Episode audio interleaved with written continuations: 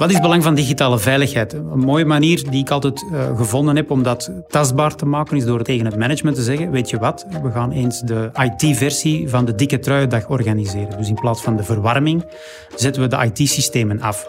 En de blik die je dan krijgt, vooral de paniek in de ogen, maakt al duidelijk hoe belangrijk dat, dat is om daarop in te zetten. Welkom bij de podcast De Sterkste Schakel. Een samenwerking tussen Orange Cyber Defense en Tijd Connect. Mijn naam is Nathalie van Raamdonk. En vanuit mijn ervaring met digitale veiligheid praat ik met interessante gasten die aan de digitalisering van hun organisatie werken. We hebben het met hen over de gevaren en uitdagingen die het met zich meebrengt. Onze eerste gast is Erwin Verstralen. Hij is Chief Digital and Information Officer bij de Port of Antwerp. Hij is er verantwoordelijk voor alles wat met IT en digitale innovatie te maken heeft. En dat is heel wat. Dag Erwin. Dag Nathalie. Welkom. Nu, uh, iedereen kent de Port of Antwerp wel. Uh, het is de tweede grootste haven in Europa. En veel mensen hebben er al van gehoord, maar weten niet echt wat voor boeiende wereld achter die haven zit. Kan je ons een beetje inleiden in die wereld en schetsen wat daar leeft? Ja, absoluut. De haven van Antwerpen, inderdaad, iedereen kent die, maar kent die ook helemaal niet. Het is toch een heel belangrijke economische motor in België. Ongeveer een duizendtal bedrijven. Daar werken ook direct en indirect 144.000 mensen. En die hele haven is verantwoordelijk voor een 20 miljard aan toegevoegde waarde per jaar. Nu altijd een heel sterke haven geweest in breekbulk, vooral het behandelen van staal, uh, ook roro. Maar bijvoorbeeld ook in de haven liggen voor 2,5 miljard kopjes koffie aan koffiebonen opgeslagen. Ook heel veel fruit. En we zijn ook, en dat weten heel weinig mensen, um, de tweede grootste chemische cluster van de wereld. Nu, zo'n complex systeem, dat uh, vereist ook mee te gaan met deze wereld uh, en de digitalisering uh, in te lopen. Hoe vertaalt zich dat in de haven? Wel, op twee dimensies. Enerzijds willen wij als havenautoriteit, waar ik werkzaam voor ben, de hele havengemeenschap die digitale omslag laten maken. En dan vooral binnen de logistieke keten. En daar hebben we dan het data sharing platform Nexport voor opgericht. Om dus al die partijen sneller, accurater data te laten uitwisselen. Om zo heel die logistieke keten efficiënter en effectiever te maken. Daarnaast, voor onze eigen rol, als want wij zijn havenbeheerder, zitten we met een grote uitdaging. Hè, namelijk de omvang van het gebied. Hè. We zijn 120 vierkante kilometer groot en om daar een beeld bij te schetsen. Je kan de hele stad Antwerpen binnen de ring zes keer in die haven kwijt. Dus hoe ga je ervoor zorgen dat je continu vinger aan de pols hebt van wat speelt zich daar allemaal af, om daar dan gericht op te kunnen ageren. En daar hebben wij dan de metafoor van, wij willen dankzij digitalisering een digitaal zenuwstelsel over die fysieke haven leggen. En dat bestaat uit heel wat innovatieve technologieën, zoals allerlei vormen van sensoren, hè, die ons alarmen geven, luchtkwaliteitssensoren, uh, belastingssensoren enzovoort. Slimme camera's, dat wil zeggen dat wij met uh, software camerabeelden kunnen omzetten in data. Herkennen van vrachtwagens, samenstelling van treinen, inspectie van kaaimuren, uh, positionering van schepen exact kunnen doen. Drones, die ons ook een beeld geven over wat is er zich nu allemaal in die haven aan het afspelen. En allerlei vormen van autonome scheepvaart, nog pril, maar toch wel met de bedoeling om dan zo op die manier permanent te kunnen kijken wat er allemaal gebeurt. En al die informatie brengen wij dan samen in wat wij de digitale kopie of de digital twin van de haven noemen, om real-time te kunnen ageren als allerlei zaken alarmen geven, uh, beeldinformatie, droneinformatie enzovoort. Dat is een hele onderneming. En wat is jouw functie daarin, Erwin?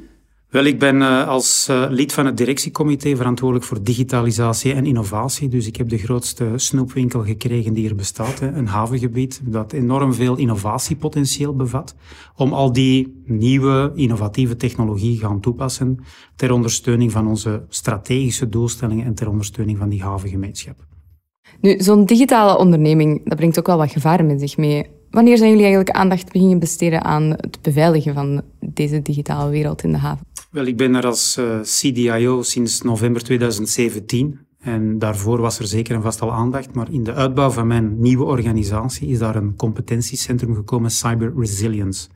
Met de bedoeling om ons niet alleen te beveiligen tegen cyberattacks, maar ook om voorbereid te zijn, mocht het ooit gebeuren, om dan adequaat te kunnen reageren. Dus het heeft zeker een versnelling gekregen, ook omwille van het feit dat door die digitalisering ja, die afhankelijkheid groter wordt. En je dus ook op een bepaalde manier ja, die kwetsbaarheden moet gaan uh, proberen te mitigeren. Hm. Je spreekt daarover cyber resilience. Um, het is een concept dat al wel vaker in uh, digitalisering valt. Um, we zeggen vaak van er zijn bedrijven die uh, aangevallen zijn en bedrijven die niet weten dat ze aangevallen zijn. Um, hoe hebben jullie, jullie die stap gezet naar niet alleen beveiligen, maar ook uh, zorgen voor resilience en terug uh, te reageren op dit soort aanvallen? Maar dat is een geleidelijke evolutie. Hè. Belangrijk is dat je met cyber resilience aangeeft dat wat dat je ook doet naar beveiliging, je nooit 100% garantie kan bieden dat het nooit gebeurt. Hè. Dus als je dat erkent, dan is de vraag, ja, hoe gaan we ons dan voorbereiden op de dag dat het misschien wel gebeurt? En dan zijn er drie elementen belangrijk. Dat is één, zo snel mogelijk detecteren dat je bent aangevallen, succesvol, en wat voor soort aanval het is, want dat is natuurlijk ook al belangrijk. Twee, ervoor zorgen dat de impact zo klein mogelijk is. En drie, dat je zo snel mogelijk terug naar een min of meer normale dienstverlening kan evolueren. Dat zijn de drie stappen. Nu, vooraleer dat je in cyber resilience die stappen kan zetten, zit daar natuurlijk wel het stuk cybersecurity, het aspect van voorkomen dat. En dat zijn op zichzelf ook weer een hele reeks stappen, waar dat misschien verbazingwekkend genoeg de eerste stap is om je fysieke toegangscontrole onder de loep te nemen. Want daar loopt het al vaak fout, met als gevolg dat te veel mensen op te veel cruciale plekken toegang hebben. En voor mij is het ook altijd een graadmeter geweest in organisaties van hoe ernstig nemen wij dingen. Want als men in een bedrijf met toegangscontrole al slordig is, dan kan ik bijna garanderen dat het op cybersecurity vlak ook niet al te stringent is. Eerst dat je daarmee begint, de volgende stappen zijn dan zorgen dat de basis, wat ik noem de cyberhygiëne, goed zit. Zorgen dat uh, er niet te veel toegangen zijn, uh, dat je niet te veel software installeert, dat je absoluut geen administratorrechten op computers hebt. Dat zijn zo wat technische dingen. Om dan van daaruit te evolueren naar uh, compartimentering van je netwerk. En dan kom je op het belangrijkste stuk terecht. Toch qua kwetsbaarheid, dat is de medewerker, de mens. Een haven bestaat uit heel veel verschillende mensen. Um, hoe gaan jullie om met die diversiteit in werknemers, die allemaal toch een zwakke schakel kunnen zijn in het digitale systeem? Ja, dat is een zeer grote uitdaging, want wij, alleen het havenbedrijf met zijn 1500 medewerkers, daar zijn er 900 operationele mensen in de, in de field. En de laatste drie jaar hebben we daar een enorme versnelling gezien in de digitalisering. Die mensen hebben ook allemaal een smartphone, een tablet, gebruiken heel wat toepassingen in de uitvoering van hun taken. En wat ik daarnet al zei, ja, medewerkers zijn in feite de zwakste schakel, worden ook continu blootgesteld aan allerlei pogingen tot hè, phishing bijvoorbeeld, hè, vrijgeven van paswoorden, user accounts worden uh, vriendelijk verzocht facturen te betalen die helemaal vals zijn. En ja, klikken soms een beetje onbesuist op allerlei zaken, want het, ja, het trekt er een beetje op.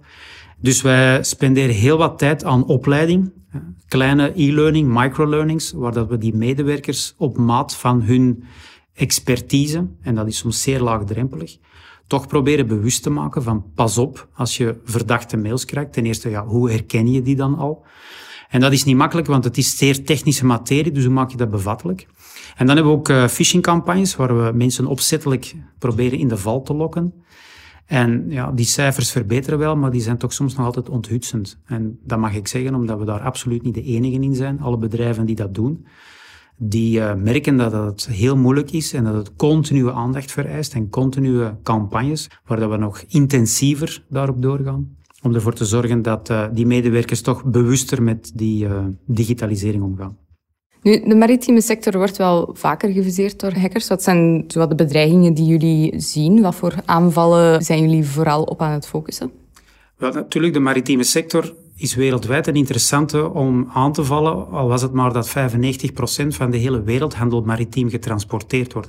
Weinige mensen staan daarbij stil, maar als dat, uh, die keten stopt, ten tijde van COVID heeft men dat gemerkt, hoe kwetsbaar dat die kan zijn. En hoe belangrijk is dat die blijft draaien, dat zie je direct in de winkels. Daar ga je geen twee weken over doen of je krijgt lege rekken. Dus dat is natuurlijk uh, ja, voor cyberattacks van een bepaalde maturiteit het gedroomde. En voor de sector is er toch een wake-up call geweest uh, een aantal jaren geleden toen dat Maersk, de grootste container shipping line ter wereld, gehackt is geweest. State-sponsored zou je bijna kunnen noemen. En die hebben er weken uitgelegen. En die werden toch aanzien als een zeer mature organisatie. En dat is hun dan toch overkomen.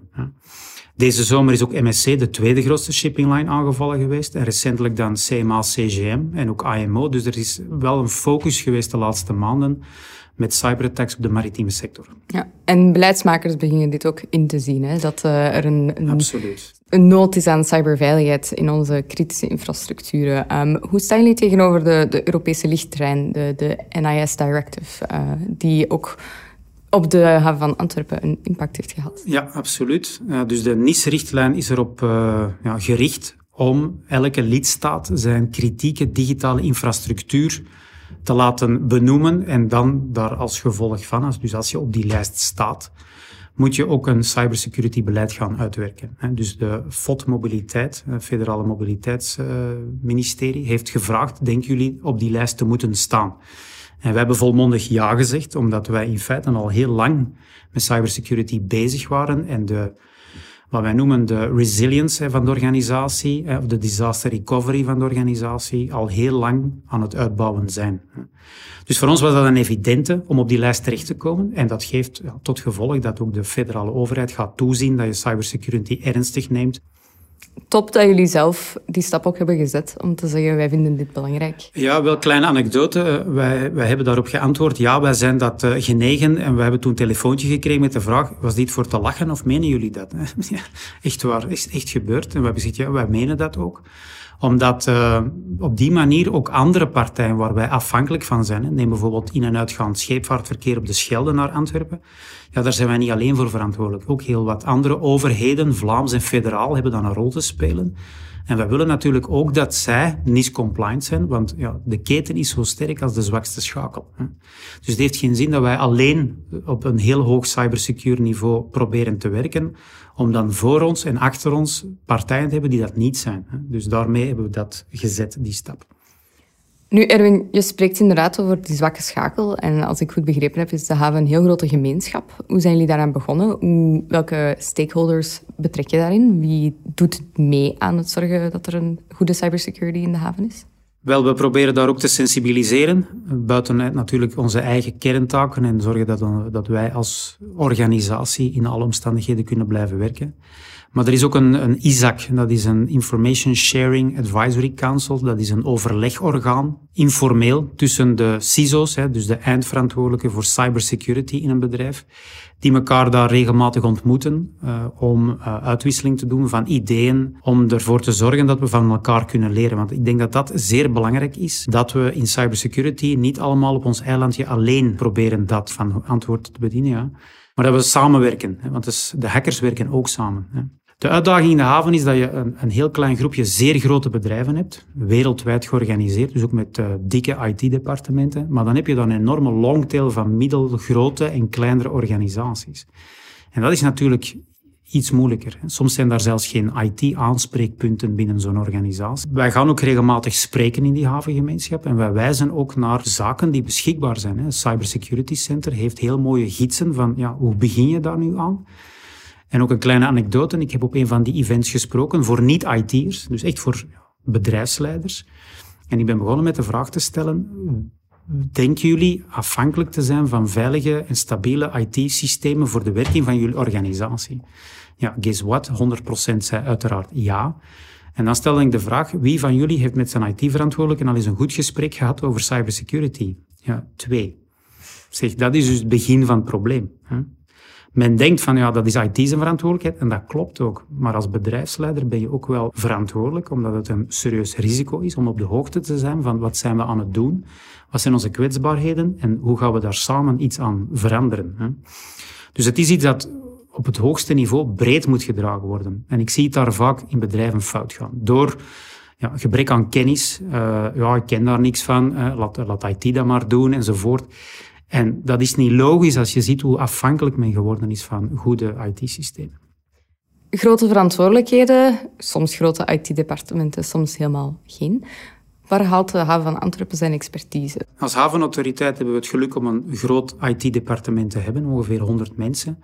Maar dan nog moet je beseffen dat je niet alles kan doen. Hè. Dus mijn groepje Cyber uh, Resilience medewerkers zet het beleid uit, doet een aantal dingen zelf. Maar dan hebben wij ons omringd met partners, waaronder Orange Cyber Defense, die ons helpen om uh, het beleid om te zetten in ja, technische implementatie. En daar ook te zijn als er uh, incidenten zijn om snel mee te schakelen naar verdere verfijning, verdichten van het netwerk en dat soort zaken allemaal. En helpen jullie dan ook de klanten die aanwezig zijn in de haven van Antwerpen als er incidenten zijn?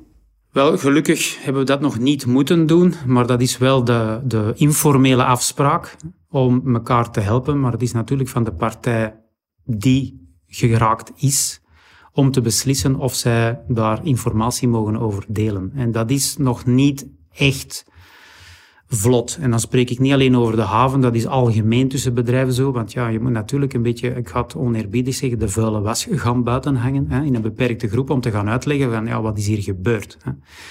Nu, binnen een internationaal samenwerkingsverband van havens, Chainport, hebben we dat al wel gedaan. Hè. Dus collega's van een haven in Europa zijn aangevallen geweest en hebben in onder geheimhouding toelichting gegeven van wat hun overkomen is en waarom en wat ze eruit geleerd hebben. Om anderen in staat te stellen van daar toch ja, de lessons learned van mee te nemen. Ja, nog steeds een groot taboe, cyberincidenten. En ja, hoop, toch wel, ja.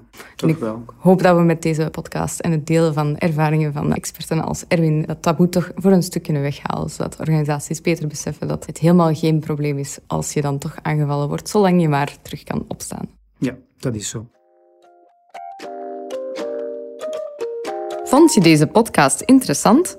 Vertel het gerust verder of laat een recensie achter via je app. En abonneer je op de podcast via Spotify of een podcast-app naar keuze.